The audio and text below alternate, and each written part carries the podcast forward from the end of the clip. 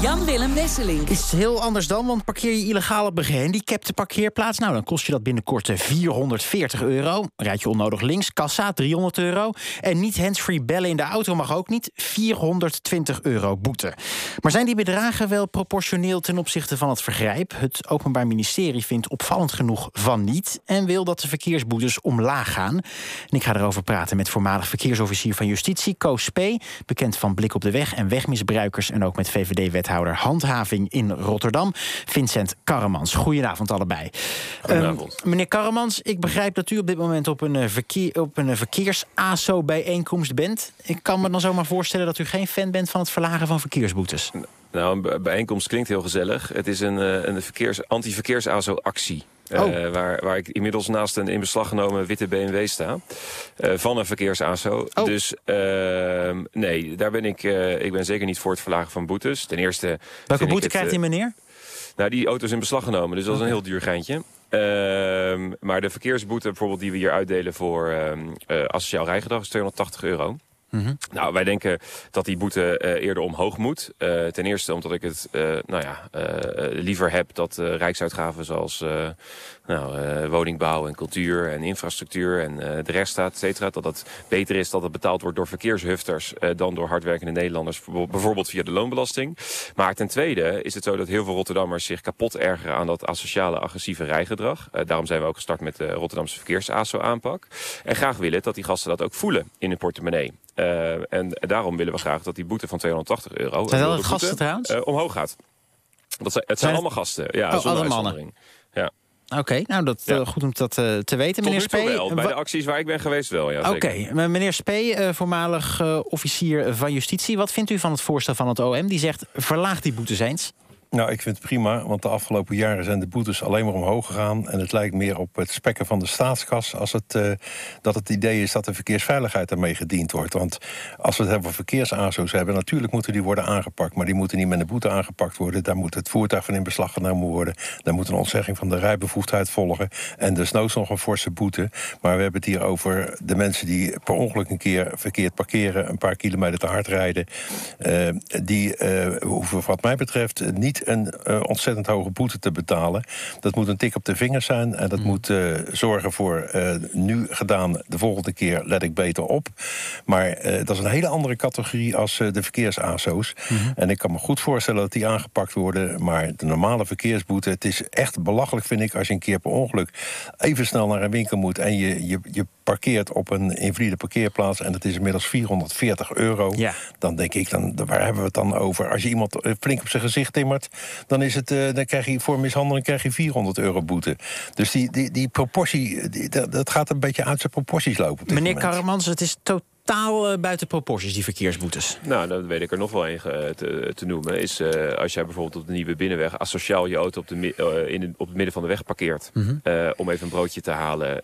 waardoor fietsers in levensgevaar, levens, letterlijk levensgevaarlijke situaties terechtkomen... dan is het 109 euro boete. Dat vind ik weer veel te laag. He, dus, Oké, okay, maar dan die, toch eventjes die, dan die 440 euro voor die gehandicapte parkeerplaats. Vindt u die te hoog?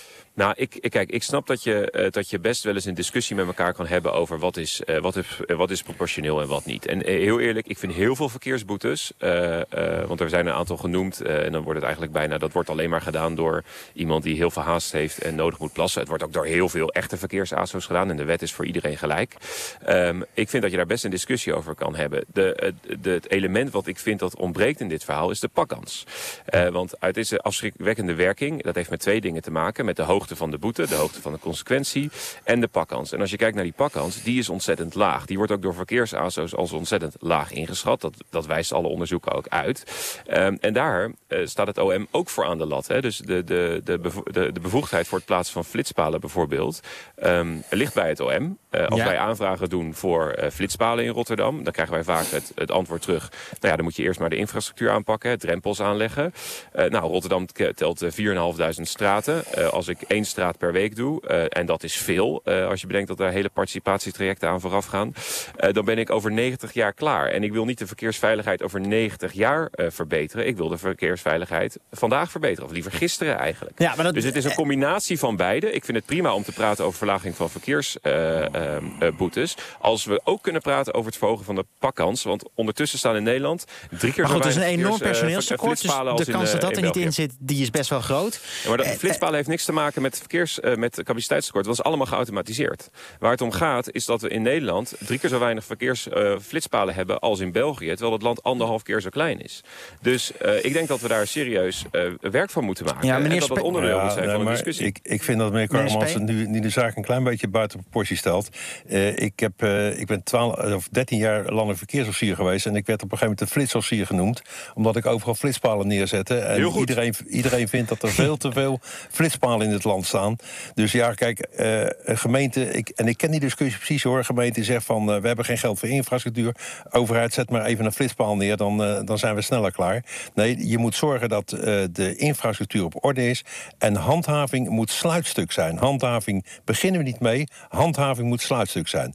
En ik ben het helemaal met de wethouder eens dat de pakkans in Nederland op dit moment te gering is. Die zou ik ook graag omhoog willen. Maar we moeten niet proberen om met verhoging van de verkeersboetes te doen alsof de verkeersveiligheid verbetert. Want dat gebeurt echt niet. In nou, de middeleeuwen. Ja. In de middeleeuwen ja, werden.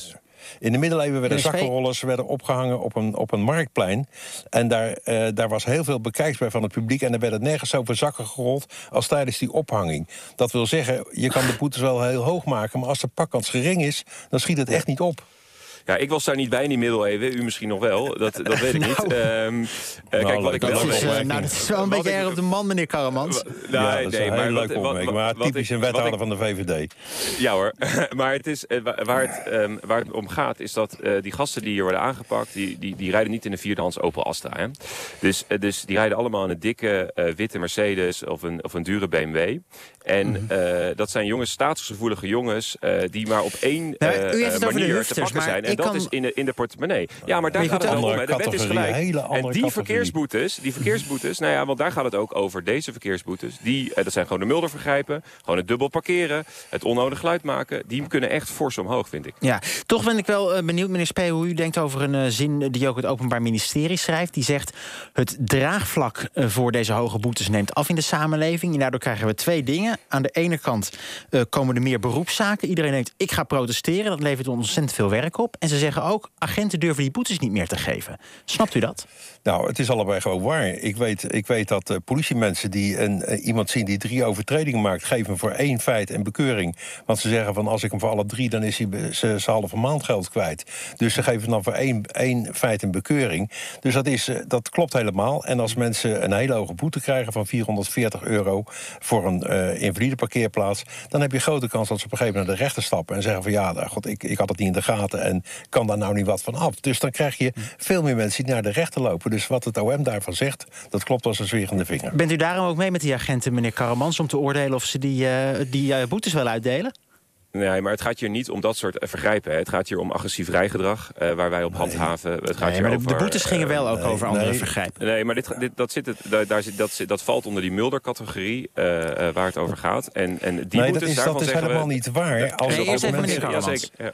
nou, En dat dubbel parkeren, bijvoorbeeld 109 euro, um, midden op straat, dat is een muldervergrijp. daarvan zeggen we, nou, gooi die boetes omhoog. Ja, um, ik denk dat het, jullie posities wel ongeveer duidelijk zijn. Dus dank daarvoor, voormalig verkeersofficier van Justitie Koos P., bekend van de wegmisbruikers en Blik op de Weg. En ook VVD-wethouder in Rotterdam, Vincent Karremans... die dus achter de verkeershufters aangaat. En tot zover, dit is de dag.